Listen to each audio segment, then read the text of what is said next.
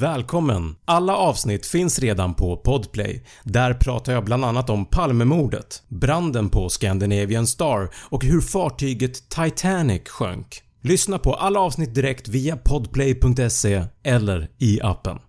Nu kör vi! Vad är en paradox? Det ska vi ta reda på idag. Om vi tittar upp vad ordet paradox betyder får vi fram att en paradox definieras som en antingen skenbart eller i verklig mening orimligt påstående men som kan innehålla en djupare sanning. Men vad betyder det egentligen? Idag ska vi gå igenom 6 stycken olika paradoxer. Paradox nummer 1 Farfar-paradoxen Låt säga att du får tillgång till en tidsmaskin och du använder den för att åka tillbaka i tiden för att träffa din farfar innan han mötte din farmor. Sen dödar du honom. Vad händer då? Här kommer paradoxen. Om du dödar din farfar så hade han aldrig mött din farmor vilket betyder att hon hade aldrig fött din pappa och eftersom din pappa inte finns så hade han aldrig träffat din mamma och hon hade aldrig fött dig. Och eftersom du inte finns så skulle du aldrig kunnat åka tillbaka i tiden och döda din farfar.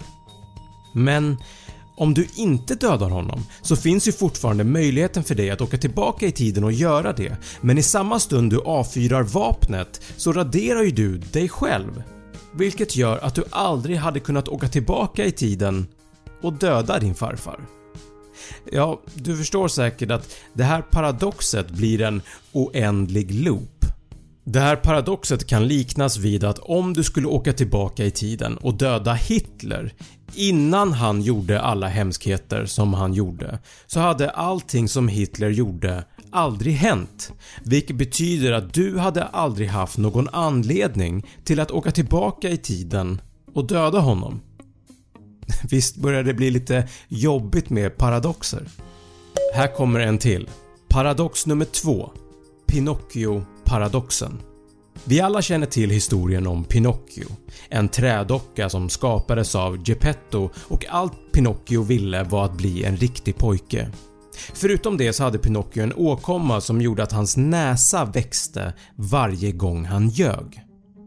Paradoxen är vad skulle hända om Pinocchio sa “Nu kommer min näsa att växa”?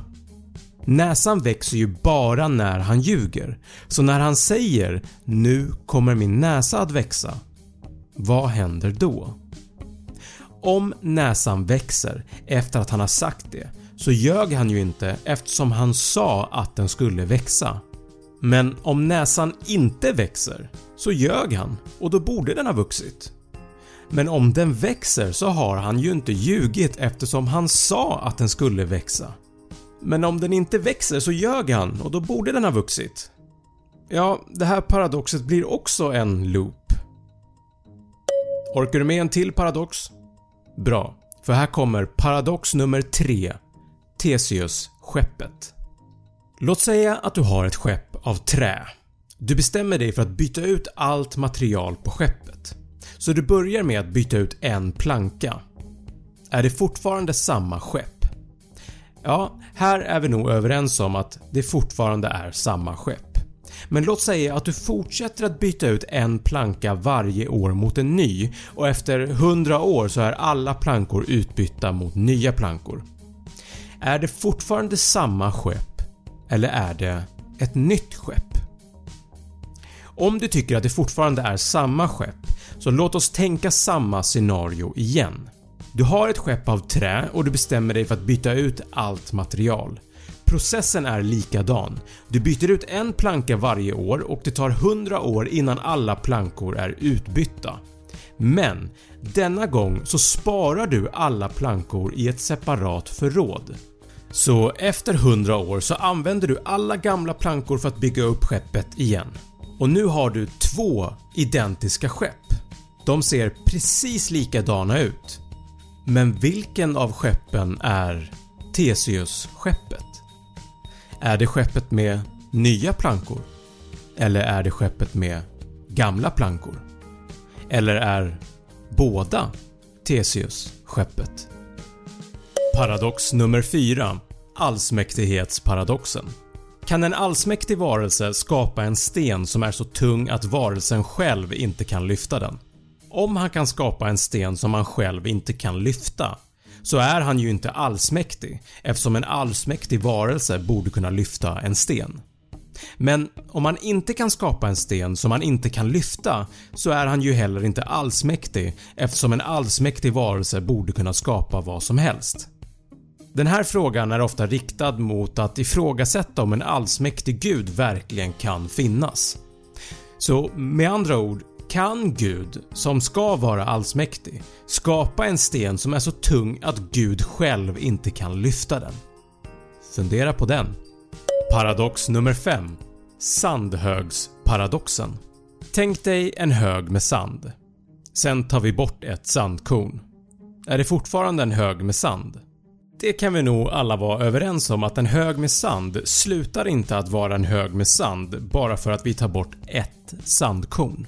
Men när slutar sandhögen att vara en hög med sand? Finns det en gräns på antalet sandkorn i en hög med sand för att det ska klassas som en sandhög? Är det 10 000 sandkorn? Då blir det ändå svårt att tänka sig att sandhögen slutar att vara en hög med sand för att vi tar bort ett sandkorn och nu har vi 9999 sandkorn kvar. Som ligger i en hög men det räknas inte som en sandhög eftersom det är för lite sandkorn i högen för att det ska räknas som en sandhög. Har du ont i huvudet ännu? Paradox nummer 6 Överraskningsparadoxen Denna paradox kallas också för hängningsparadoxen. En domare dömer en fånge till dödsstraff genom hängning. Fången blir informerad att hängningen kommer att ske en dag nästa vecka mellan måndag och fredag. Fången får inte veta exakt vilken dag eftersom det ska bli en överraskning. Hängningen måste alltså ske på en dag när fången inte förväntar sig det. Fången funderar över detta i sin cell. Han bestämmer sig för att hängningen inte kan ske på fredag för att om hängningen inte skett innan dess så finns ju bara fredagen kvar. Men om det inte sker på fredagen så kan det ju inte heller ske på torsdag eftersom då vore det ingen överraskning.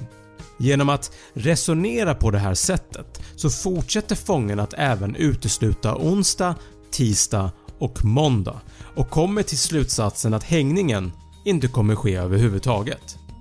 Så han lutar sig tillbaka och njuter av vetskapen om att han inte kommer att dö nästa vecka. Men under kommande vecka så knackar det på fångens cell på onsdagen och det var dags för hängningen.